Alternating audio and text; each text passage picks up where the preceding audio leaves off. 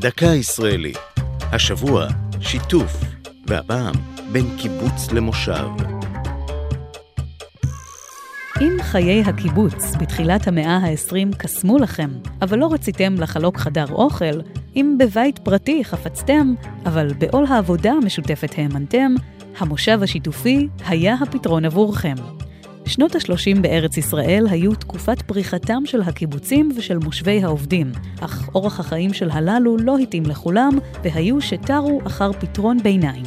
ב-1936 התיישב גרעין הקוצר מבולגריה באדמות כפר חיטים בגליל התחתון כחלק מיישובי חומה ומגדל.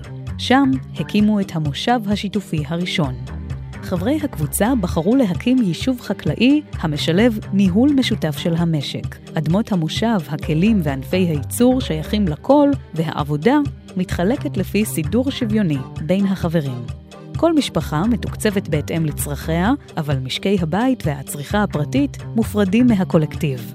במקביל לכפר חיטים, יישמו עולים מגרמניה רעיון דומה במושב מולדת, ועליהם הצטרפו בהמשך בית הלל, שבי ציון, רגבה, בית יצחק שנקרא אז נירה, ואחרים.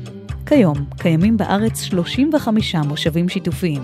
רובם השתנו עם השנים. חלקם עברו תהליכי הפרטה, והיו ששבו והפכו למושבי עובדים, דגם המושב המקורי.